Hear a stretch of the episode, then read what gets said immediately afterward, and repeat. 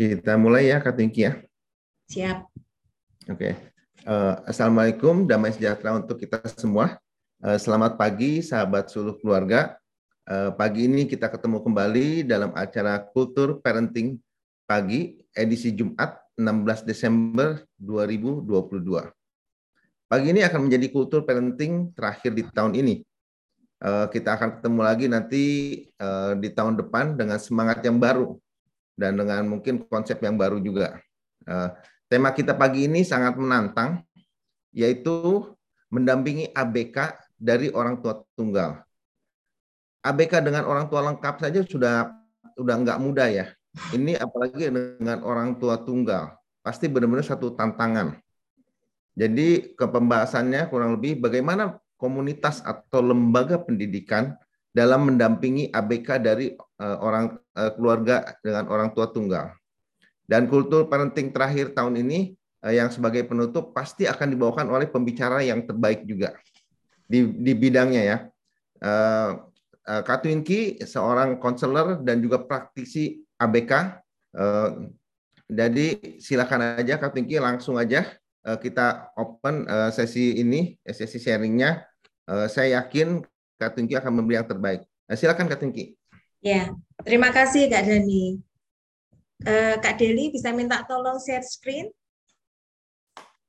Ya, selamat pagi teman-teman. Senang sekali saya masih dikasih kepercayaan dan kesempatan terakhir ini penutup di tahun ini. Semoga di tahun depan kultur parenting semakin oke lagi, semakin banyak lagi untuk uh, berkarya. Ya, eh, seperti biasa, saya akan menerangkan mengenai yang umum dulu, baru nanti kita mengerucut, gitu ya. Eh, untuk hari ini kita akan membahas mengenai membicarakan sharing mengenai keluarga tidak lengkap. Next, kak. Kita lihat dulu eh, keluarga itu apa ya. Keluarga adalah unit terkecil dari masyarakat yang terdiri dari suami istri atau suami sebagai kepala keluarga, istri dan anak-anak yang biasanya kita kenal sebagai keluarga kecil. Kalau keluarga besar ditambah kong uti, oma, opa, tante, dan sebagainya. Yuk lanjut Kak. Nah ini kita lihat dulu fungsi keluarga ya fungsi keluarga itu apa sih? Fungsi keagamaan. Karena di sana adalah tempat pertama anak-anak kita mendapatkan pelajaran atau mengenal Tuhan. Meskipun di awal dia belum kenal Tuhan nih, tetapi dengan kita rutin, misalnya yang Nasrani setiap minggu kita ke gereja gitu ya, setiap hari kita berdoa di rumah caranya bagaimana. Kemudian yang Muslim setiap Jumat ke masjid untuk yang laki-laki, eh, sholat berjamaah dan sebagainya.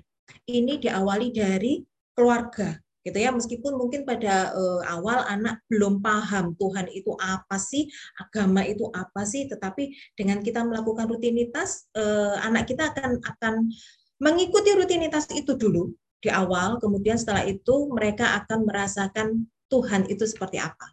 Kemudian yang berikutnya sebagai fungsi sosial budaya eh, menjadi contoh dalam bertutur kata bertindak dengan baik itu juga dimulai dari keluarga Fungsi reproduksi otomatis ya antara suami dan istri, ayah dan ibu bersepakat mengenai anak, jarak kelahiran dan sebagainya. Kemudian juga sebagai fungsi sosialisasi dan pendidikan. Bagaimana caranya sih bersosialisasi? Bagaimana caranya sih ngomong sama orang yang lebih tua gitu ya? Bagaimana sih caranya ngomong dengan uh, kakak atau adik dan sebagainya? Yuk lanjut kak. Ya, ini yang berikutnya. Fungsi cinta kasih. Di dalam keluarga ini juga eh, ajang kita untuk memberikan cinta, untuk mencontohkan bagaimana sih eh, caranya mama mencintai papa, memberikan kasih ke papa, bagaimana papa memberikan kasih ke mama, bagaimana orang tua memberikan kasih ke anak-anak, gitu ya, memberikan contoh karena anak-anak kita tahu cara mencintai seseorang, tahu mencintai saudara atau teman mungkin ya, itu awalnya juga dari keluarga. Kemudian sebagai fungsi ekonomi, jadi orang tua bertanggung jawab untuk memenuhi kebutuhan keluarganya. Itu. Kemudian fungsi perlindungan, menumbuhkan rasa aman, nyaman, hangat. Fungsi pembinaan lingkungan, mengajarkan anak menjaga keharmonisan keluarga, gitu ya. Bagaimana sih menjaga sebuah eh, komunikasi dalam keluarga sehingga keluarga itu menjadi gayam, gitu ya. Yuk lanjut kak. Nah, tetapi itu adalah versi ideal. Tidak semua dari kita mungkin di sini atau teman-teman yang ada di luar sana yang mempunyai keluarga yang utuh gitu ya. Terkadang ada eh, beberapa yang yang kita tidak utuh macam-macam bisa tidak utuhnya karena mungkin kecelakaan, mungkin karena ada yang meninggal atau mungkin dipisahkan jarak mungkin gitu ya. Atau juga eh, dipisahkan karena perceraian.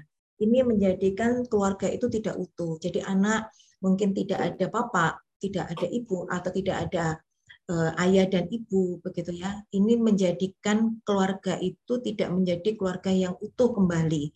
Kalau kita melihat dari tadi yang di awal itu ya, uh, keluarga itu seperti apa gitu. Yuk lanjut Kak Deli. Nah, ini ini adalah cara-cara yang bisa kita lakukan gitu ya secara umum ke siapa saja baik tidak utuhnya karena eh, terpisah, mungkin ada yang meninggal, mungkin eh, karena perceraian atau mungkin karena apa pun. Gitu. Jadi yang di awal lah ini yang biasanya banyak sekali dari kita yang yang tidak tidak di awal ini Kak Deli kayak jadi validasi perasaan ya kita cuma bilang sudah wis pasrah aja relakan aja ikhlas ya gitu ya. Nggak usah dipikirkan lagi gitu. Kita lupa untuk menvalidasi terutama untuk anak-anak ya. Kalau kita ngomong anak-anak baik anak-anak umum maupun anak-anak dengan berkebutuhan khusus. Jadi kita validasi dulu perasaannya. Mama tahu gitu ya kalau mamanya ya mama tahu uh, adik sedih. Mama tahu adik marah. Itu validasi perasaannya. Jadi katakan kepada anak bahwa kita memahami apa sih yang mereka rasakan gitu ya. Mungkin kalau anak-anak berkebutuhan khusus mereka tidak bisa atau belum belum verbal. Jadi yang terlihat ada di perilaku yang mungkin pada saat eh, papa nggak ada gitu ya baik meninggal atau mungkin bercerai akhirnya pisah rumah. Jadi dia tantrum mencari papanya mungkin seperti itu atau mencari mamanya gitu. Eh, kita bisa peluk kita bisa peluk anak kita Kemudian kita validasi dulu perasaannya, mama tahu dek kamu marah, mama tahu kamu sedih. Itu dulu. Jadi eh, anak merasa iya, ini loh yang aku rasakan, gitu ya. Jangan sekali-sekali mengatakan sudah dek pasrah ya, ikhlas ya, atau misalnya eh, kita nih sebagai teman ke orang tua, jadi ke salah satu orang tua yang ditinggal oleh pasangan. Jangan sekali-sekali mengatakan itu. Kenapa? Pasrah itu mudah diucapkan tetapi sulit untuk dilakukan. Sulit sekali, ikhlas juga. Tidak semudah kita mengatakan, tetapi pada saat kita melakukan sangat-sangat sulit. Jadi tidak usah mengatakan itu, cukup validasi perasaannya. Katakan bahwa kita tahu apa yang dia rasakan, gitu ya. Kemudian beri waktu, beri ruang untuk mereka berduka kalau misalnya anak-anak uh, dia marah karena uh, papanya sudah tidak ada dan sebagainya, ya sudah, beri dia waktu untuk marah, beri dia waktu untuk menangis. Kalau kita orang yang dewasa, kita sudah bisa melakukan itu misalnya di kamar mandi gitu ya kita bisa nangis di kamar uh, tidur sendirian kita bisa nangis tapi anak-anak nggak bisa kalau anak-anak itu terlihat dari perilakunya dia terlihat semakin nakal gitu ya. Atau menjadi pendiam gitu. Atau nangis terus atau bikin gara-gara terus itu adalah caranya mereka untuk berduka. Caranya mereka mengatakan bahwa aku kehilangan sosok ini gitu. Jadi ini yang harus kita pahami. Kemudian ajak mereka untuk menyalurkan kesedihan kemarahan dan sebagainya dengan cara yang baik. Boleh marah boleh sedih karena kamu e, tidak ketemu lagi dengan sosok ini.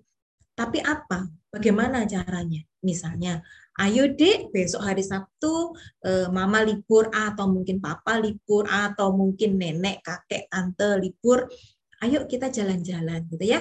Mungkin kita bisa cari tempat e, semacam hutan gitu ya yang bisa membuat mereka bisa berteriak. Ayo dek teriak teriak lepaskan semua emosi yang ada itu kalaupun dengan anak-anak e, berkebutuhan khusus yang mungkin seperti eh, anak-anak dengan autistik ya yang mungkin e, masih kesulitan dengan e, dengan pemahaman apa yang kita omongkan kita berikan contoh ayo ikuti mama, tiru mama, gitu ya, atau tiru papa. Gitu ya. Ajak mereka untuk berteriak, berlari, boleh. Itu adalah cara anak-anak untuk menyalurkan dukanya atau uh, ajak mereka buat beraktivitas. Tetapi akan lebih baik menyalurkan itu dulu, menyalurkan kemarahan mereka karena mereka marah ya, karena biasanya ketemu sekarang nggak ketemu, biasanya main bareng sekarang nggak bisa main bareng. Gitu. Jadi ada sesuatu yang hilang di situ dan mereka nggak bisa ngomong apa sih yang yang yang aku rasakan, aku kehilangan apa sih, momen apa sih yang aku sudah nggak bisa lakukan. Nah ini jadi ajak mereka untuk menyalurkan kesedihan. Kemudian pantau terus gitu ya, pantau terus untuk orang yang mungkin tidak tidak serumah eh, saat bertemu bisa bertukar kabar, eh, ajak mereka bermain, kemudian eh, membicarakan mengenai kegiatan mereka sehari-hari. Apa sih dek yang kamu lakukan hari ini, gitu ya? Atau ajak mereka untuk beraktivitas, beraktivitas kesukaannya mereka, ajak berenang, ajak hiking mungkin, ajak jalan-jalan, camping, atau melakukan sesuatu gerakan motorik kasar, halus gitu ya. Eh, kecuali eh, anak, teman, atau saudara kita ini bisa verbal, bisa mengungkapkan apa yang dia rasakan dan mereka siap untuk mengatakan apa yang mereka rasakan dan apa yang mereka ingin lakukan. Baru kita masuk ke situ. Begitu. Eh, oke, okay, next. Kelihatannya selesai. Nah, ya sudah selesai. Jadi intinya seperti itu Kak Deli. Jadi eh, baik secara umum maupun eh, orang tua atau saudara yang mempunyai saudara atau anak dengan berkebutuhan khusus, sebetulnya eh, cara kita melakukan, cara kita mendampingi itu hampir sama. Hanya mungkin caranya saja yang ada yang perbedaan. Jadi kalau anak-anak yang umum yang bisa diajak bicara kita bisa ngomong gitu ya. Bisa ngomong banyak kita bisa cerita banyak. Eh, tapi kalau untuk anak-anak yang belum verbal ya kita melakukannya dengan mereka mengimitasi apa yang kita lakukan. Seperti tadi berteriak kemudian berlari lompat-lompat. Enggak apa-apa salurkan aja. Salurkan emosinya dengan kita menyalurkan emosi secara tepat eh, anak akan lebih tenang. Begitu Kak Deli Uh, makasih Kak Tungki untuk yang di-share ya. Uh, ya. Simple, tapi uh, saya rasa memang itu yang yang diperlukan oleh Oke, itu yang diperlukan oleh anak-anak uh, ya untuk untuk bisa uh, mengerti keadaannya gitu.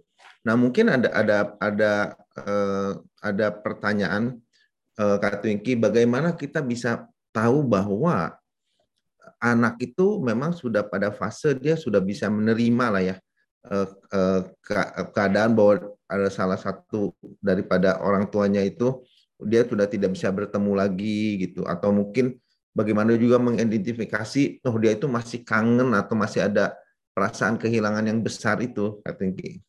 Ya, Uh, kalau untuk anak-anak yang umum atau anak-anak yang berkebutuhan khusus tapi mereka yang sudah verbal Kak Deli jadi seperti uh, anak-anak dengan disleksia itu dia masih bisa ya bisa ngomong, bisa mengutarakan apa yang dia inginkan, kita bisa tahu dari uh, gaya ngomongnya mereka. Mungkin bisa jadi, oh ya yang dulunya dia nggak santai nih, yang sering sedih, menyendiri, atau misalnya menggambar tapi kok warnanya milo-milo, yaitu artinya dia masih berduka. Tetapi pada saat mereka sudah mulai happy, sudah mulai uh, kembali ke rutinitas, ini bisa kita asumsikan oke, okay, dia sudah mulai menerima. Karena kalau kita uh, mengatakan mereka sudah selesai berduka, sebenarnya berduka itu nggak nggak ada kata selesai sih sebetulnya ya. Kalau saya sendiri, saya sudah pernah kehilangan uh, mama saya Sampai saat ini pun kalau ada momen-momen apa yang mengingatkan saya, ya saya ada rasa berdukanya karena saya ada kehilangan. Tetapi eh, saya sudah bisa manage gitu ya. Kalau eh, anak-anak sudah bisa melakukan semuanya, sudah terlihat happy kembali, sudah terlihat semuanya tertata kembali, artinya mereka sudah mulai bisa menerima oke, okay, eh, aku kehilangan sosok ini, tapi aku punya pengganti. Jadi penggantinya itu bisa dikatakan seperti ini. Uh, saya melihat uh, YouTube Jumat kemarin ya Kak Deli, ini kan juga uh, membahas mengenai kehilangan atau keluarga tidak lengkap ya Bu siapa itu saya lupa. Nah itu kan dikatakan juga bahwa iya kamu tidak punya papa gitu loh. Tetapi kamu bisa bisa mencari figur bapak itu dari om, dari opanya itu. Nah kita juga bisa mengatakan anak-anak kita bahwa ya mungkin saat ini papa sudah tidak sama kita gitu. Tetapi ini loh ada opa, ada uh, om atau mungkin kakak gitu ya. Atau sebaliknya kalau ibu sudah nggak ada ya kita bisa bilang ini loh ada oma, ada uti gitu, ada tante yang bisa menyalurkan sayangnya juga ke kamu. Begitu Kak Deli? Ya, itu Kak, eh, Kak Hertina ya yang sharing. Oh iya, ya. ya. Mungkin ada kakak-kakak di sini yang eh, mau bertanya ataupun mau untuk uh, mengomentari apa yang tadi udah uh, Kak Twinky share, silakan bisa langsung. Ini uh, lebih rumit memang ya Kak Twinky ya, kalau anak kebutuhan khusus itu ya. Iya, betul Kak Deli, lebih rumit. Tetapi uh, masih tetap terlihat kok Kak Deli. Kalau misalnya anak-anak uh, umum mereka mereka bisa bilang uh, apa sih yang mereka rasakan gitu ya kalau eh, anak-anak yang sudah verbal. Bedanya memang dengan anak umum yang terlihat adalah uh, mereka di perilakunya. Jadi lebih uh, sering tantrum gitu ya. Kemudian uh, apa sih mungkin menyakiti diri sendiri, sering teriak, kemudian belajarnya mungkin yang biasanya mau nurut ini sekarang jadi nggak nurut itu itu yang terlihat di situ dan memang untuk untuk memahamkan mereka bahwa mereka kehilangan sosok itu dan digantikan dengan yang lain memang sangat-sangat tidak mudah kalau untuk anak-anak berkebutuhan khusus. Kalau untuk anak-anak yang masih bisa diajak bicara masih lebih mudah. Kalau yang enggak ini yang yang kita sangat-sangat kesulitan. Jadi ya eh, paling yang bisa kita lakukan kita perlu kita validasi gitu ya kemudian ajak mereka untuk menyalurkan uh, marahnya, untuk menyalurkan sedihnya, itu sih yang yang kita bisa lakukan, Kak. Iya. Uh, Kak Asri, ada yang mau disampaikan?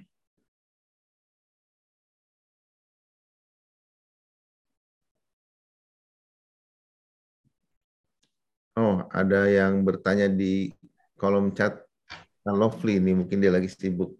Iya. Ada ada beda nggak sih masalah anak yang dari keluarga utuh dan tunggal? Uh, ini keluarga tunggal yang sudah lama pisah. Gimana okay. tuh? Uh, kalau beda, sebetulnya iya, iya, uh, ada beda gitu ya, karena bagaimanapun anak itu membutuhkan kasih sayang dari keluarga yang yang langsung dari atasnya dia gitu ya dari papa dan mamanya. Meskipun figur salah satu ini bisa digantikan dengan orang lain, tetapi tetap ada rasa berbeda di anak, ada rasa berbeda. Tetapi saya percaya apabila keluarga lainnya mendukung gitu ya, mendukung dan memberikan atau menggantikan figur itu secara tepat, kehilangan itu tidak akan terlalu berasa.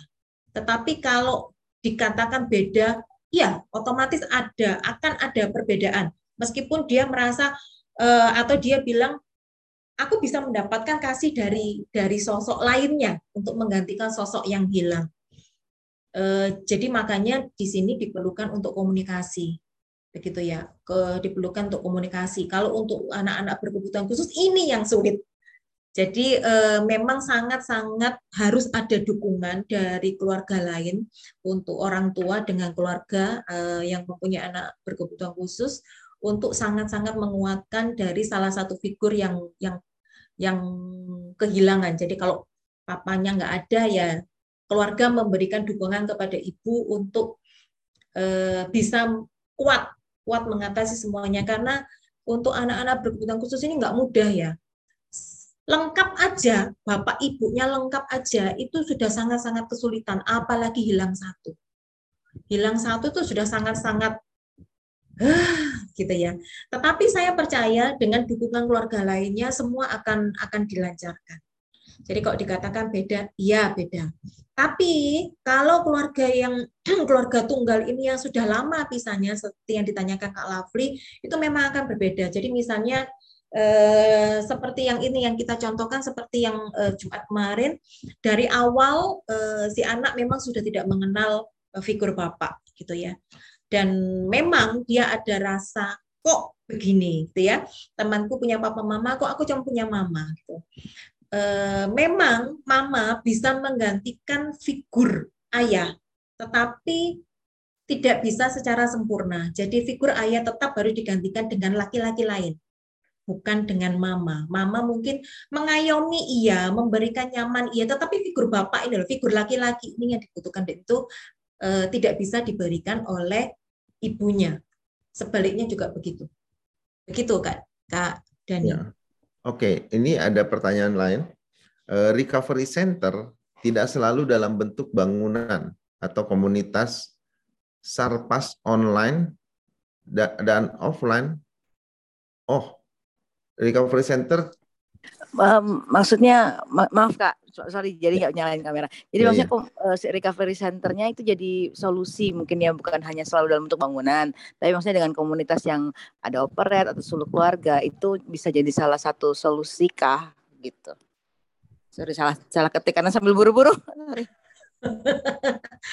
Bisa kak bisa jadi eh, keluarga yang yang kehilangan itu memang kan mereka ada trauma di situ ya. Eh, dan recovery-nya ini tidak harus eh, pergi ke lembaga tertentu atau meminta pertolongan dari ahlinya, misalnya ke psikolog, psikiater dan sebagainya, tetapi bisa dengan komunitas. Seperti ini yang kita lakukan sekarang ini ya dengan kultur parenting, kita jadi dikuatkan apalagi kemarin seperti yang kemarin itu kan testimoni langsung dari e, ibu yang memang e, tidak ada figur bapak, tidak ada figur suami. Ini yang menjadikan penguat salah satu penguat terutama untuk salah satu pasangan yang yang ditinggalkan ya.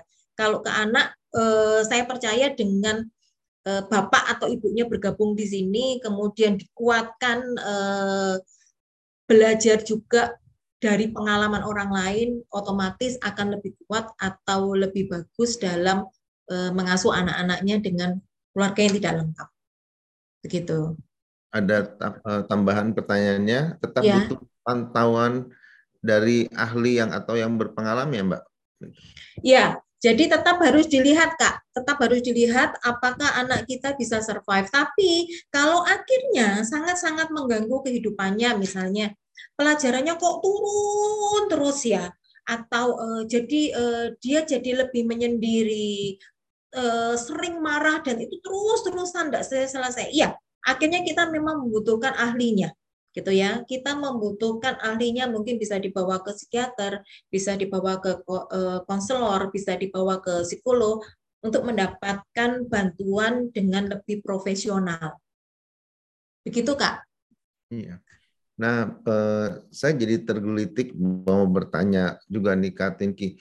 Eh, kan sebenarnya yang kehilangan itu kan bukan sekedar si anak aja ya, gitu. Maksudnya bagaimana eh, kita kalau dari dulu kan lembaga ataupun organisasi ataupun komunitas ketika melihat sebenarnya eh, bagaimana bisa seorang mungkin anggaplah yang meninggal suami gitu ya, hmm. ayahnya seorang ibu yang dia sendiri sedang merasakan kehilangan, tapi dia bagaimana untuk eh, bisa membantu anaknya sedangkan dia sendiri juga butuh dibantu gitu.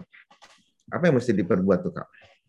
Ya, uh, memang yang yang paling berat adalah figur dari pasangan ya kak ya, pasangan yang ditinggalkan. Ini mereka akan sangat-sangat berduka. Terlepas itu eh, apa ditinggalkannya mungkin karena meninggal atau kecelakaan atau mungkin e, perpisahan karena perceraian tetap akan ada rasa duka di situ akan ada rasa marah kenapa kok aku dibiarkan sendiri? Tetapi ya ini tadi yang tadi siapa yang tadi bilang sebentar? Kak STT ini ya. Tadi yang tadi Kak STT tadi bilang bahwa ini loh ada komunitas-komunitas yang bisa menguatkan kita, menguatkan kita figur yang dewasa ini yang kehilangan eh, pasangan, gitu ya. Dan ibu atau bapak, tidak hanya ibu sebetulnya ya Kak Dani ya, bapak pun juga banyak bapak-bapak yang hebat di sini ya. Eh, bahwa mereka kehilangan pasangan, mereka berduka, mereka marah, mereka sedih, tetapi mereka tetap bisa membantu anak-anaknya keluar dari situ. Karena ya ini ya hebatnya kita sebagai orang tua itu me memang terkadang akhirnya kita terlihat mengesampingkan gitu ya. Diminggirkan dulu deh dukanya gitu ya. Diminggirkan dulu sedihnya, diminggirkan dulu marahnya. Kita menolong anak kita dulu. Tetapi jangan lupa kita juga masih ada rasa duka. Gitu ya. Boleh kita menolong anak kita, tapi tetap kita sendiri kita harus ditolong. Karena kalau kita sendiri tidak ditolong, kita tidak akan bisa maksimal menolong anak kita. Sama seperti kayak eh, kalau kita naik pesawat, tuh ya. Selalu pramugari bilang pasang dulu alat apa eh, alat bantuan atau alat pengaman atau apa pun di kita dulu, baru setelah itu kita menolong anak kita. Nah, itu juga bisa kita eh, kita implementasi, implementasikan di kehidupan kita juga untuk pasangan yang ditinggalkan. Jadi tetap kita harus kuat untuk membantu anak-anak kita dan saya percaya para orang tua itu hebat-hebat. Jadi mereka bisa itu eh, apa membantu anaknya sambil membantu dirinya sendiri. Tapi jangan lupa diri sendiri tetap juga harus dibantu. Begitu Kak Dani. Wow, ya.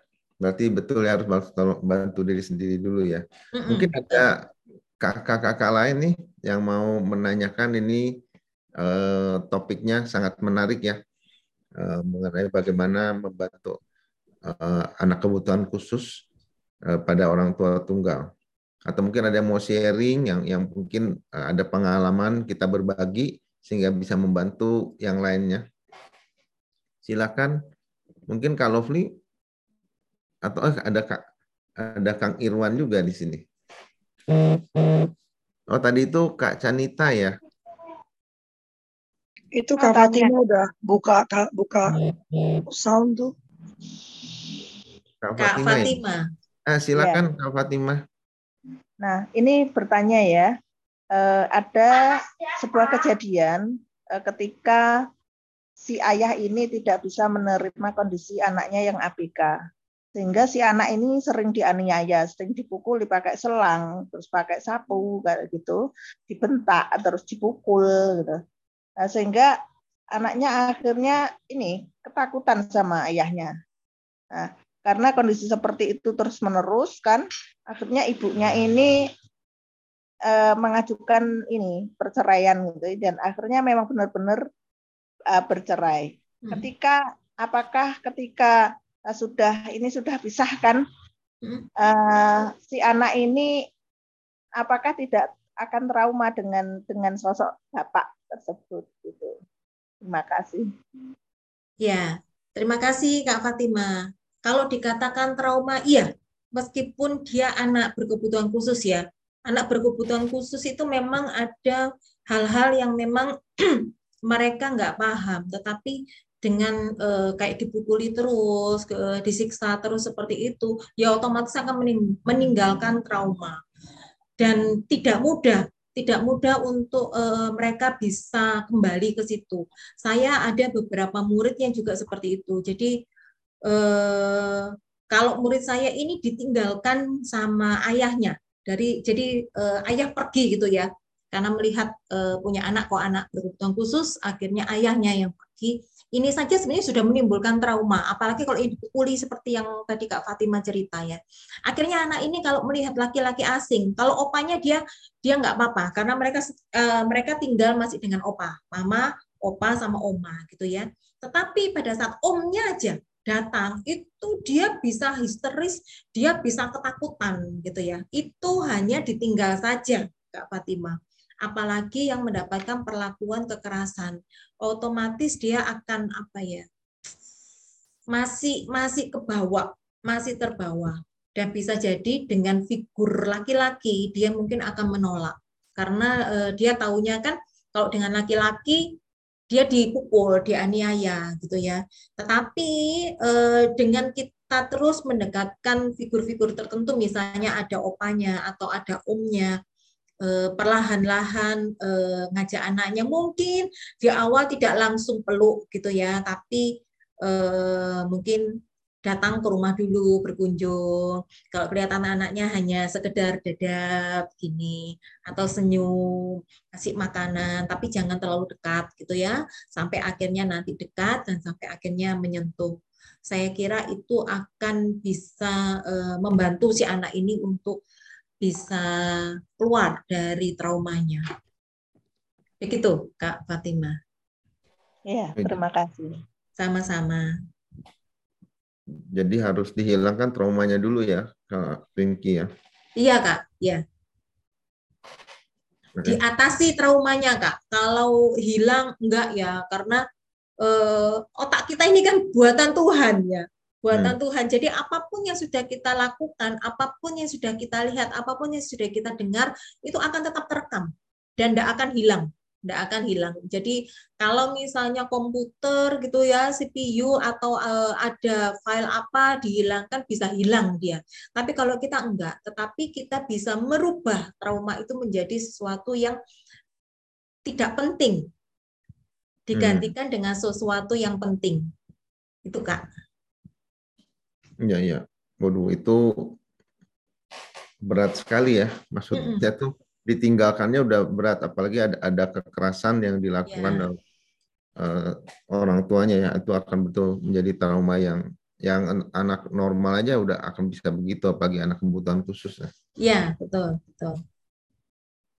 Mungkin ada kakak-kakak yang lain um, kalau mereka nggak bisa mengungkapin itu kan sangat sulit untuk kita juga mengerti. Kita nebak-nebak atau gimana kak untuk untuk bisa ininya? Ya, akhirnya kalau untuk anak-anak berkebutuhan khusus kita nebak ya kak, kita nebak, kita samakan dengan diri kita aja.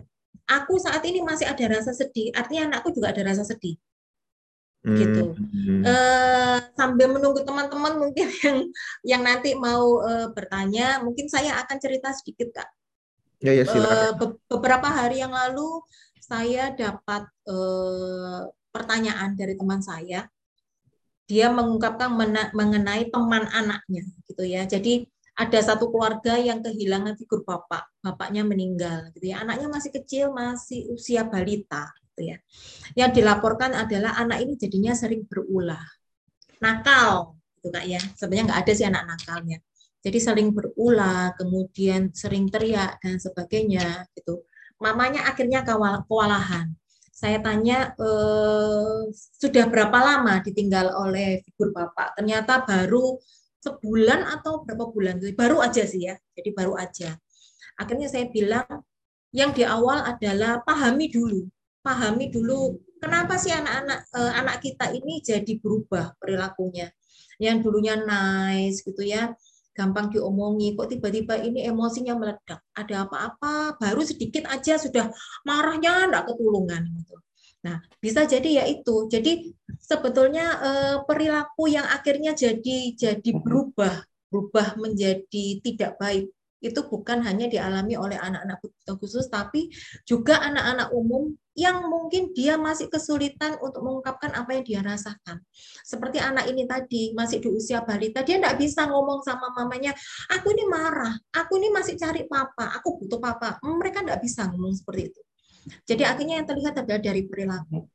Jadi akhirnya eh, saya waktu itu memberitahukan, ayo validasi dulu perasaannya, katakan apa apa yang kamu pahami mengenai apa yang dia rasakan dan beri dia waktu dia untuk marah, untuk menangis.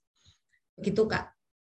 Itu sekelumit sekelumit cerita bahwa eh, apa sih perilaku yang berubah jadi tidak lebih uh, jadi tidak baik ini bukan hanya milik anak-anak berkebutuhan khusus tapi anak-anak kita yang mungkin masih kesulitan di verbal. Iya iya. Uh, Kak Astrid. Dani, aku mau ya? nanya dong. Oh ya silakan dong kalau Pli. Kan tadi Dani juga udah nyebutin ya kalau orang tuanya pun itu mengalami rasa apa uh, kehilangan yang sama kan.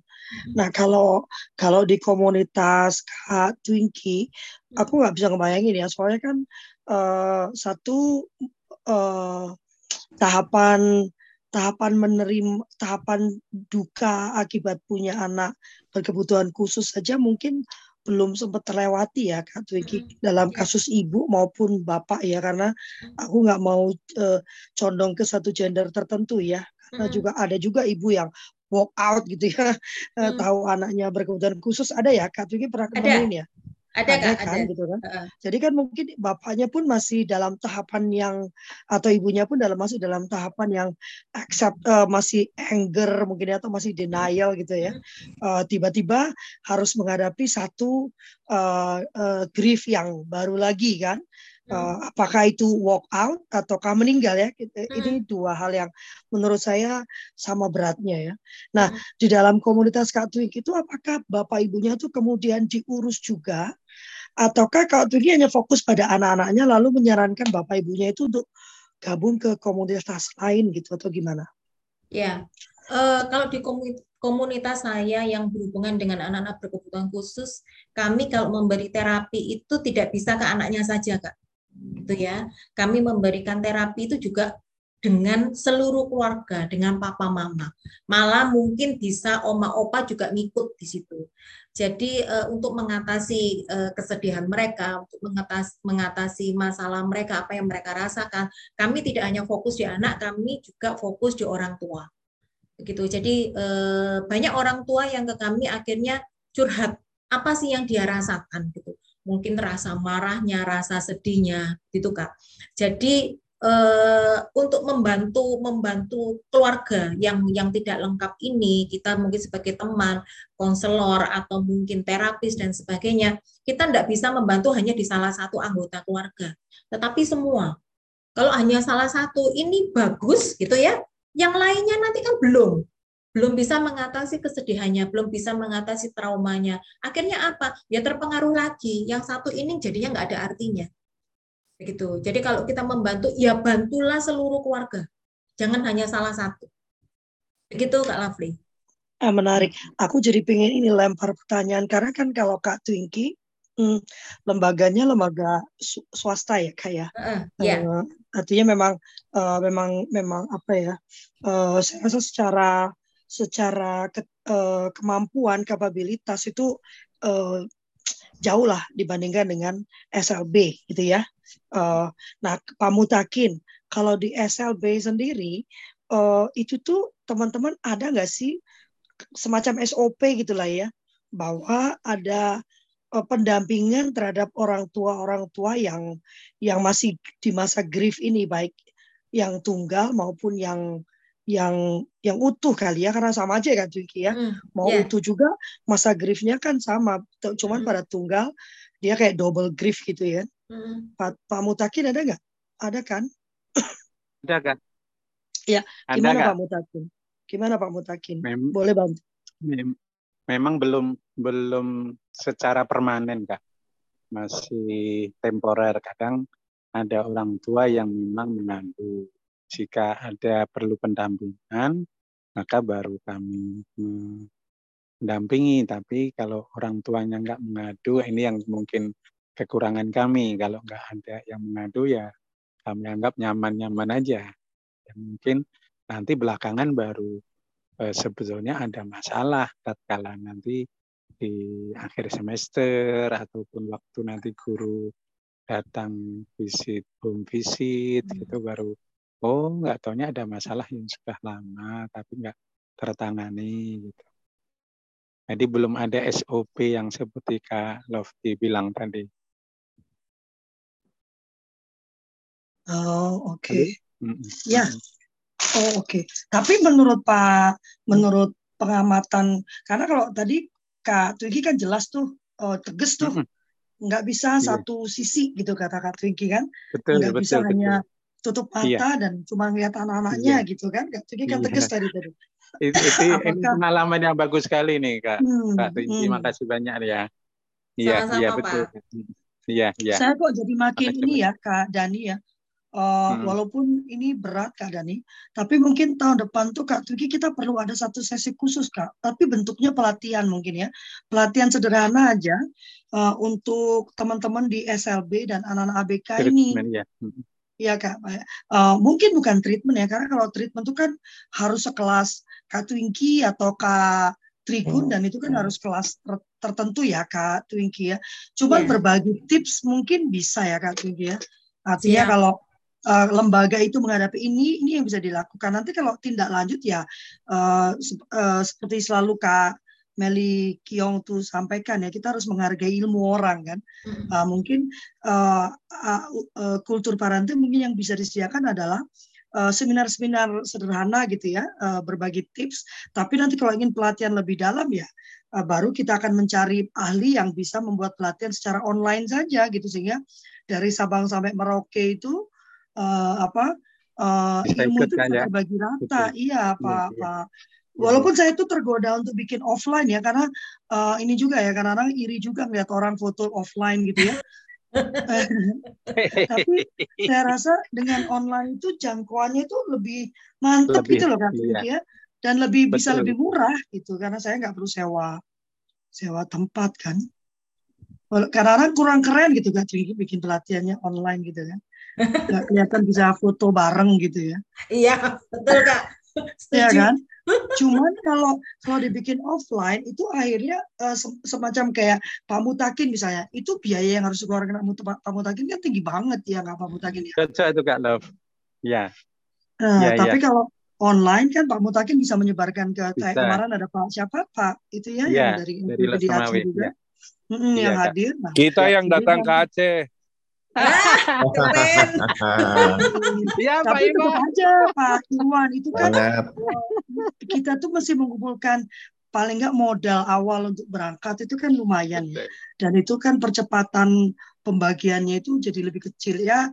Syukur-syukur kalau kita bikinkan pelatihan terus mereka ingin lebih dalam lagi baru kita diundang. Nah, itu beda lagi ya. Oh, iya. Tapi orang iya, kan untuk ngajak orang untuk hadir saja itu kan luar biasa. Saya rasa saya masih perlu dukungan dari Kak Twinky, uh, dari Kak uh, Ika, ya, uh, Kak uh, Pak Trigun, ya, Pak Mutakin. Karena kalau Pak Mutakin itu kan masalahnya Pak Mutakin yang tahu benar gitu uh, kendala di teman-teman SLB itu apa gitu kan sehingga kami bisa mendukung apa Pak. Yang gratis aja dulu seminar-seminar seperti ini ya, Kak Twinky ya, yeah, untuk yeah, menggugah yeah. Ya tadi kan kayaknya ada tergugah kan, oh iya ya benar Kak Twinkie ya, perlu orang tua ini perlu diurus gitu ya, tanpa nunggu dia nangis-nangis gitu. Iya. ya, begitu Kak Dani ya, kerjaan kita makin banyak tahun depan. Makin banyak ya. Saya sih dukung aja kalau Fli. Ya, bukan dukung, bantu. iya dong, pasti bantu.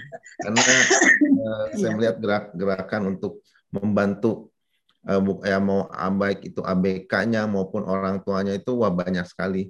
Banyak sekali yang perlu di apa uh, kesehatan emosi dan mentalnya itu perlu dibantu lah ya iya benar. Kalau kata kata Kak, Kak Hertina itu supaya tetap waras di tengah keadaan yang tidak baik. Betul betul. Hmm. dan butuh banyak orang-orang kayak Kak Twinky yang mau berbagi berbagi ilmunya, berbagi waktu dan tenaganya. Terima iya benar banget. Terima kasih banyak Kak Twinky ya. Sama-sama. Iya. Ini ilmunya mahal ini kalau oh, iya. kan mahal. Kita mesti kuliah 12 tahun baru dapat ilmunya. Plus pengalaman. Ya itu dia pengalamannya yang yang sulit didapat. Mungkin ada yang lain lagi yang mau untuk e, berbagi atau mau untuk bertanya ke Kak Twinky. Oke, di kolom chat. Oke. Oh, Kak Canita katanya kalau ke tempat dia siap dibantu.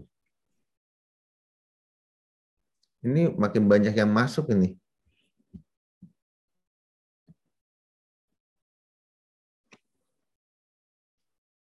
Jadi enggak enggak sedikit ya Kak ya eh, anak kebutuhan khusus dengan orang tua tunggal itu ya. Iya, betul Kak. Cuman yang saya sebenarnya itu agak bertanya dan ya cuman kan memang itu banyak juga ya yang eh, karena justru karena tahu anaknya eh, anak kebutuhan khusus malah akhirnya ditinggalkan gitu ya. Bahkan yeah. rela, bahkan rela berpisah dari pasangannya gitu ya. Iya, betul. Enggak hanya salah satu aja Kak uh, ada beberapa yang uh, benar-benar ditinggalin. Jadi uh, awalnya sih bilangnya dititipkan gitu ya, dititipkan ke orang lain gitu. eh, akhirnya ya ya sudah tidak dikunjungi lagi, sudah tidak di apa tidak ditelepon lagi begitu dua orang tua gitu jadi benar-benar ini anak ditinggalkan ke ke orang lain gitu ada yang juga yang seperti itu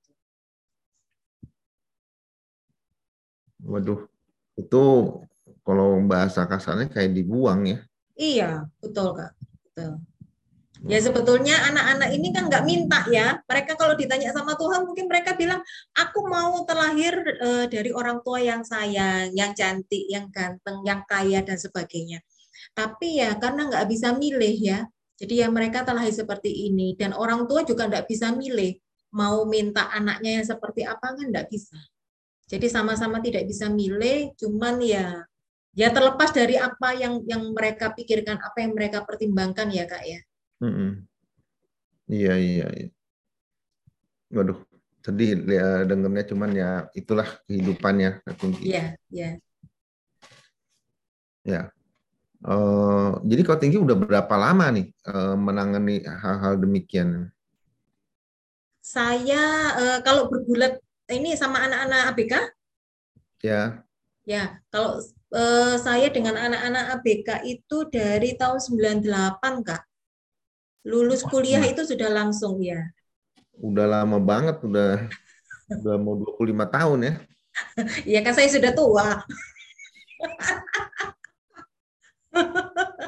itu perlu perlu hati yang luar biasa itu. Itu itu perlu debat yang panjang tuh tadi pernyataan sudah tua tadi saya. Oh gitu ya. Iya. Kata tua yang perlu diperdebatkan ya. Iya. Salah ya kak, harusnya lebih dewasa. Lebih matang. Hmm. Pak ya, Pak Mutakin aja tidak pernah menyatakan diri tua loh Pak Mutakin. Ya Pak Mutakin ya. Eh, jangan-jangan Kak Mutakin memang ya, masih muda Kak Nofli. Kami masih muda. Masih muda sih. Ini ada Kak Francisda loh. Kak Francisda apa kabar? Kabar baik sayangku. Lama kali nggak pernah bergabung loh. Oh. Kata siapa? Oh, gabungnya di mana? Di YouTube. Oh, ini tadi yang saya sampaikan tadi itu Pak Ane ini dari Nangro Aceh nih yang apa ini pasti jaringannya Pak Pak Mutakin ya tadi yang saya bilang dengan online tuh jangkauan kita jadi lebih panjang gitu. Oh dari Lok Semawi ya? Ya iya. betul Bu, dari Pak Mutakin, Alhamdulillah oh. bisa ikut bergabung. Hmm. Iya, terima kasih Pak Anu. Semoga suatu hari nanti kita bisa bertemu muka. Amin. Aku belum pernah loh Pak iya. Aceh.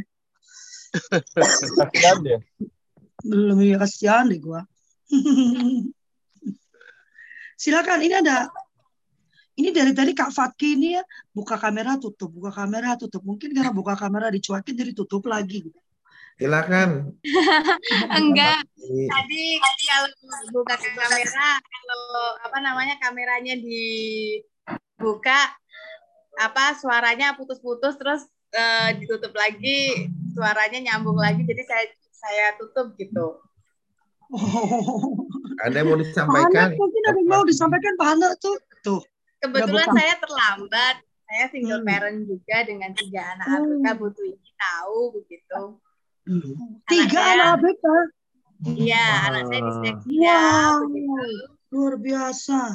Anak saya disleksia dari awal dari anak pertama saya disleksia yang pertama, yang kedua yang yang pertama ada gifted, ada ADHD, yang kedua disleksia, yang ketiga disleksia seperti itu belum tahu komorbidnya apa seperti itu. Tapi ada kemungkinan ke kebawa gifted semua seperti itu. Jadi tes terakhir seperti itu. Nah, hmm. ya agak susah-susah gampang sih. Saya benar-benar kepinginnya ikut dari jam 7 tadi. Cuman kok saya masih harus apa uh, naik sepeda motor ke kantor gitu. Jadinya agak telat ini tadi ngikutinya. Terus uh, ya agak struggle sih ya untuk single parent. Tapi lebih struggle lagi ketika kita bersama orang yang salah orang yang tidak sevisi dan semisi kita. Tapi apa namanya uh, kita harus berjuang juga untuk anak kita. Itu itu agak agak-agak struggle-nya malah lebih dua kali daripada menjadi single parent seperti itu. Kalau saya. Saya suka nih pendapatnya nih. Ya. Saya juga setuju, saya suka juga. saya suka banget ini ceritanya ini. Memang ribet, tapi daripada ribetnya kali empat, mending kali tiga aja gitu Kak Fatki ya. Betul, seperti itu. Jadinya ribet empat, empatnya tuh kadang-kadang kadang-kadang empatnya bisa double double lagi jadi delapan begitu. kan, ya kalau kadang kalau zaman dulu kan ada kata ya. Iya, kadang kalau zaman dulu kan ada kata kalau anaknya dibentak diem dia kan takut ya. Nah kalau suami masa dibentak yang ada dibentak balik kita. Iya itu. Wah. Uh, Kak Cungki mau memberi kesempatan Pak Ana dari SLB Pak di Aceh. Ya. Silakan ya, Bu. Mudah-mudahan kegiatan-kegiatan yang kayak gini, gini bisa membuka wawasan bagi yang lain. Alhamdulillah nih bagus sekali uh, momen-momennya. Jadi kan mudah-mudahan nanti ada uh, pencerahan-pencerahan yang lebih ini nanti kan bisa kami juga mentularkan kepada ibu-ibu wali murid yang kira-kira banyak juga di tempat kami yang single parent kadang-kadang ada yang suaminya meninggal, ada yang ditinggal juga gitu. Makanya nanti kan dari pengalaman-pengalaman ini nanti sangat bermanfaat sekali buat kami nanti bisa kami uh, tularkan kepada eh, teman-teman wali murid yang ada di tempat kami yaitu di Lok Sumawi ini mudah-mudahan nanti sangat bermanfaat sekali sekali sekali lagi terima kasih banyak gitu. Ikut terus Pak Nuk dan ajak wali muridnya untuk bergabung Oke, nanti insya Allah ya. ini kan momen-momen yang akan datang saya harus ikut bergabung. Mudah-mudahan nanti bisa ini bisa langsung mendengarkan langsung bukan lewat kami gitu mungkin nanti insya Allah coba saya coba nanti ke depannya. Ya. Sebetulnya kami udah azamkan itu hari Rabu ke Pak Nu untuk ABK. Cuman setelah uh, pandemi itu terbuka, uh, teman-teman saya ini sibuk banget, jadi agak sulit saya me, me, mencanangkan hanya hari Rabu gitu ABK gitu kan, uh, mm -hmm. karena kalau ya harus kan kami ini kan kegerakan sosial ya, artinya kepada teman-teman saya yang luar biasa ini pun tidak ada tidak ada apa balasan materi gitu, hanya terima kasih yang luar biasa. Jadi uh, kami pun harus ini harus harus ikut uh, jadwal yang beliau bisa gitu ya. Uh, Kak Twinky, apalagi teman-teman yang di ABK ya, Kak Trigun, Kak Twinky ini uh, putarannya kenceng banget tuh dari mana, dari mana, belum ngapain gitu ya.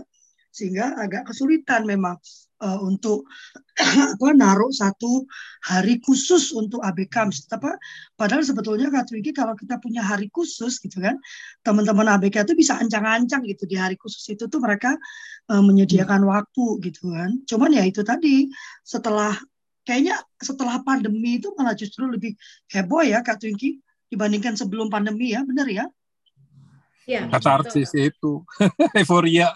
euforia. Iya, benar. Eh, tapi uh, buat Kak Raffi, Kak Raffi, Kak, Kak, Kak Twinky, hmm. eh, saya pernah ngambil berapa kali sertifikasi tentang brain gym kinesiologi ya. ya karena waktu itu eh, menggunakan tempat saya gitu, ya saya ikutan sekalian gitu. Nah, ternyata saya kaget ya kaget kenapa itu banyaknya emak-emak dan uh, banyak yang ABK ternyata gitu loh. Nah, belakangan setelah saya pelajarin ternyata uh, ilmu brain gym kinesiologi itu membantu mereka. Itu membantu mereka. Jadi sebetulnya kalau Kak Rafli ini nanti saya coba uh, kontakkan sama teman-teman di grup kinesiologi uh, mungkin kan jadinya kalau banyak orang kan peluangnya kan makin makin ini juga. Kalau mereka itu banyaknya jadi praktisi brain gym uh, hmm. dan dan luar biasa kok hasilnya. Hasilnya itu luar biasa, kemajuannya pesat. Ya betul Pak uh, Pak Irwan. Uh, saya sendiri juga juga menerapkan brain gym ke murid-murid saya dan ke anak-anak saya, terutama untuk konsentrasinya. Itu kan ada beberapa gerakan yang bisa dilakukan. Jadi terutama kalau anak-anak saya ya, eh, mereka pagi itu biasanya brain gym itu sambil jalan karena mereka beraktivitas kan, jadi melakukan gerakan-gerakan brain gym sambil jalan. Dan puji ya. Tuhan eh, konsentrasinya jadi lebih bagus sih. anak-anak juga anak-anak uh, murid-murid saya juga. Karena ada gerakan-gerakan khusus yang bisa mudah mereka lakukan dengan kita tolong. Begitu Pak Irwan. Jadi bagus sih Brain Gym. Ya. Jadi memungkinkan Kak Twinki kita kita gedekan komunitasnya jadi cita-cita kakek kakek tadi misalnya ada hari khusus Rabu khusus ABK gitu bisa bisa ya. juga ya bisa bisa bisa. Kan impossible is nothing. Pasti bisa. Enggak, tapi mungkin uh, uh, apa uh, retrospeksi diri sendiri itu mungkin perencanaan saya nggak bisa satu bulan ke depan mungkin ya. Mungkin uh, tiga bulan ke depan gitu ya pembicaranya sampai tiga bulan ke depan. Cuman memang untuk anak orang seperti saya ini membayangkan sampai tiga empat lima bulan ke depan itu struggle juga buat uh, jadi bersembunyi di balik adik-adik tapi nanti kita coba ya ini Uh, itu sebabnya ini minggu terakhir ya teman-teman ya, supaya dua minggu ke depan saya punya waktu untuk nata ulang gitu. Kultur parenting ini mau seperti apa, uh, bagaimana penataannya. Uh, kemarin sempat saya pikir apa cuma dua kali seminggu saja, tapi kalau dengan topik yang sedikit banyak nggak bisa dua, dua kali seminggu Pak Keadani ya nggak? Betul, mesti tiga hmm. kali lagi ya. Iya, jadi atau Dan mungkin saya... perencanaan kita nih yang mesti hmm. panjang sampai enam bulan ke depan sudah jelas topiknya, siapa pembicaranya gitu kan. Jadi lebih mudah untuk Kak Deli ya, mungkin ya. Dan lebih mudah untuk teman-teman kita untuk ngatur waktu gitu Kak Twinkie ya. Iya. Jadi Kak Twinkie bisa siap, oh dua bulan ke depan ya Kak Twinkie. Padahal sebenarnya enggak loh. Kak Twinkie tiap bulan terusnya. Enggak. Enggak dua bulan ke depan. Silakan Kak Dani udah jam 8 lebih 7 loh. Ya, udah jam 8. Oke. Okay. Uh, eh, terima kasih Kak Twinky ya. Uh, Kak Deli mungkin ya, bisa difoto sementara Kak Twinky bikin uh, closing statementnya. Silakan Kak Twinky. Ya, uh, closing statement. Intinya adalah uh, jangan meminta sesuatu kayak tadi ya saya bilang yang uh, pasrah ya, ikhlas ya karena jadi intinya begini, jangan memberikan atau e, menasehati orang atau e, siapa pun untuk bisa ikhlas karena itu adalah sesuatu yang tidak mudah untuk dilakukan tetapi mudah untuk diucapkan gitu ya. Yang terpenting adalah validasi perasaannya, katakan bahwa kita paham apa yang mereka rasakan, kemudian ajak mereka untuk e, beri mereka waktu dan ruang untuk Eh, menyalurkan kesedihannya, untuk mengungkapkan apa yang mereka rasakan, kemudian berilah cara bagaimana bisa mengeluarkan semua emosi-emosi itu. Saya kira itu, Kak Dani. Ya, uh, terima kasih Kak Tungki ya, udah udah mau sharing, mau berbagi sama kita semua.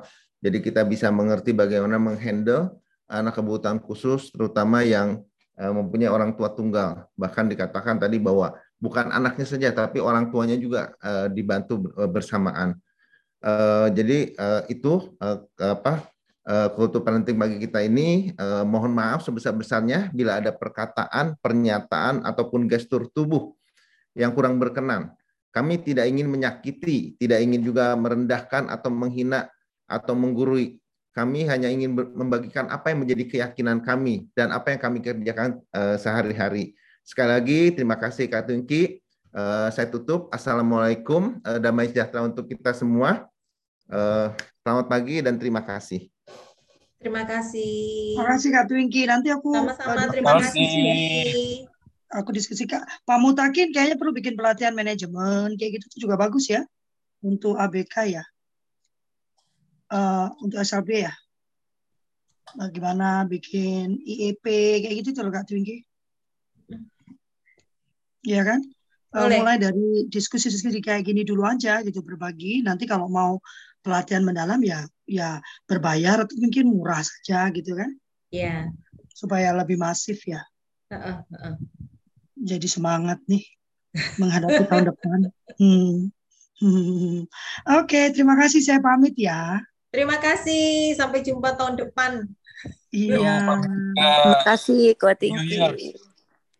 Iya, kenapa kak? Happy New Year. Oh ya Happy New Year, iya benar.